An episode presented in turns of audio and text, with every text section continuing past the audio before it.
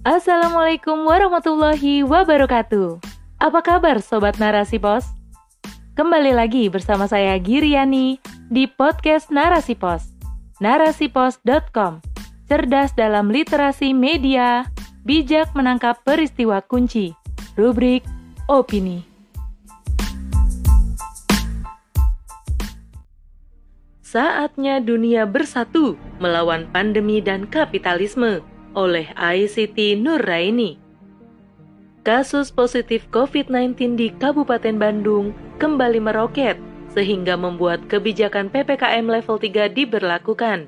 Bupati Bandung, Dadang Supriyatna, beserta jajarannya menyiapkan tempat isoter atau isolasi terpadu bagi warga yang dinyatakan positif COVID-19. Beliau juga menginstruksikan setiap desa untuk menyiapkan tempat isoman atau isolasi mandiri supaya pasien positif bisa mendapat perhatian dinas mulai dari kesehatan hingga kebutuhan makanannya. Pandemi COVID-19 masih menjadi momok menakutkan bagi seluruh manusia di dunia, termasuk Indonesia.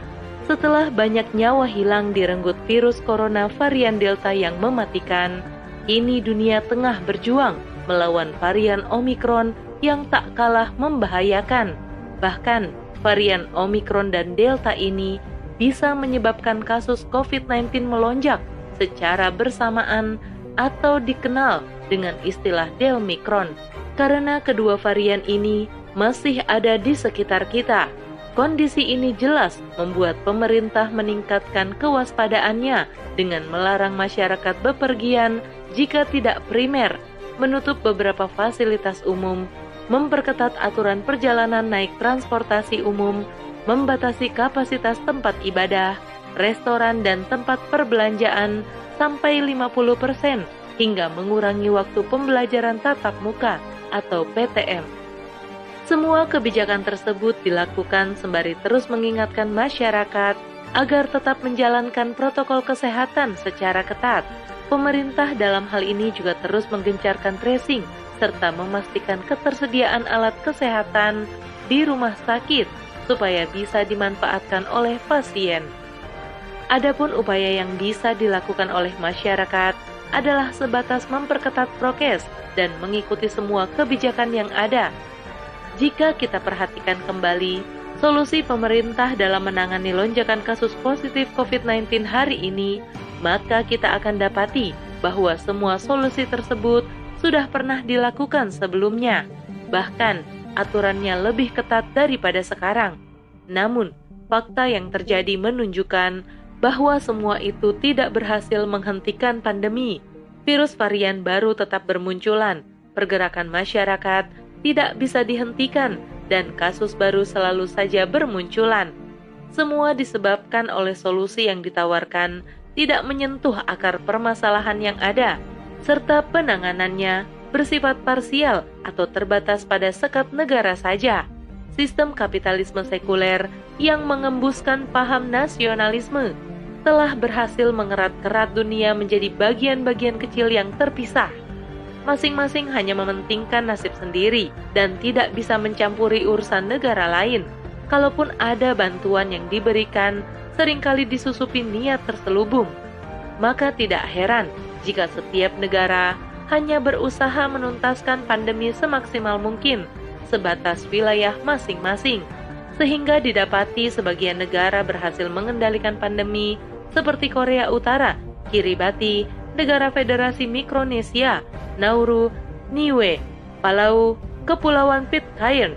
Keberhasilan mereka meski sama-sama mengadopsi ideologi kapitalisme, namun negeri-negeri ini memiliki ketegasan yang mereka buat sedari awal pandemi dengan tidak memperbolehkan warga dari luar masuk ke wilayahnya, sehingga virus penyebab penyakit tidak bisa masuk. Selain itu, ada juga negara yang berhasil berdamai dengan pandemi, seperti Selandia Baru, Amerika Serikat, Singapura, China, Australia, dan Korea Selatan berkat langkah tepat mereka yang segera memperlakukan lockdown melakukan vaksinasi, dan menjalankan 3T, testing, tracing, dan treatment dengan maksimal. Di tengah keberhasilan beberapa negara itu, nyatanya jumlah negara yang masih bergumul dengan corona lebih banyak dari yang berhasil. Banyak faktor yang menyebabkan ketimpangan ini, seperti menjadikan pariwisata sebagai tumpuan penghasilan negara, minimnya anggaran negara untuk memaksimalkan 3T, dan ketidakmampuan negara menutup akses warga luar masuk karena terikat perjanjian internasional. Oleh karena itu, wajar saja jika angka kasus COVID-19 fluktuatif dan pandemi sulit untuk disudahi. Maka dari itu, penanganan pandemi haruslah bersifat internasional dan melibatkan kerjasama seluruh negara di dunia, bukan secara parsial seperti sekarang. Namun, kerjasama ini sulit diwujudkan karena nasionalisme telah merasuk dalam benar setiap warga dunia. Padahal Islam telah melarang sikap nasionalisme atau asobiah sebagaimana dijelaskan dalam hadis berikut dari Jubair bin Mut'im bahwa Rasulullah Shallallahu alaihi wasallam bersabda, "Bukan termasuk golongan kami orang yang mengajak kepada asobiah, berperang karena asobiah dan mati karena asobiah." Hadis riwayat Abu Daud. Selanjutnya, jika dunia yang dikuasai kapitalisme ini tidak bisa menyatukan dunia untuk memerangi pandemi, maka Islamlah yang menjadi harapan terakhir. Karena dalam Islam, umat muslim di seluruh dunia harus bersatu dalam satu komando seorang khalifah.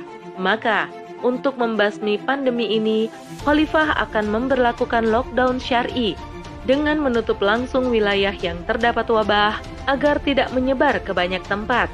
Khalifah juga akan memerintahkan warga di luar wilayah wabah untuk membantu saudara mereka yang terkena wabah sebagai bentuk ketaatan. Perumpamaan orang-orang mukmin dalam hal kasih sayang bagaikan satu tubuh. Apabila satu anggota badan merintih kesakitan, maka sekujur badan akan merasakan panas dan demam. Hadis riwayat Muslim. Segala bentuk penanganan seperti 3T dan pemberian vaksinasi gratis juga mungkin diwujudkan secara menyeluruh dalam Islam karena negara akan mendorong para ahli untuk melakukannya dengan baik dan disokong dengan pendanaan negara yang didapatkan dari pemanfaatan sumber daya alam serta pos pemasukan lainnya yang dikumpulkan dalam Baitul Mal. Dengan demikian, tidak akan terjadi ketimpangan dalam penanganan wabah seperti saat ini. Maka, sudah saatnya kita beralih dari sistem kapitalisme yang mencerai-beraikan menuju sistem Islam yang mempersatukan dunia. Wallahu a'lam bishawab.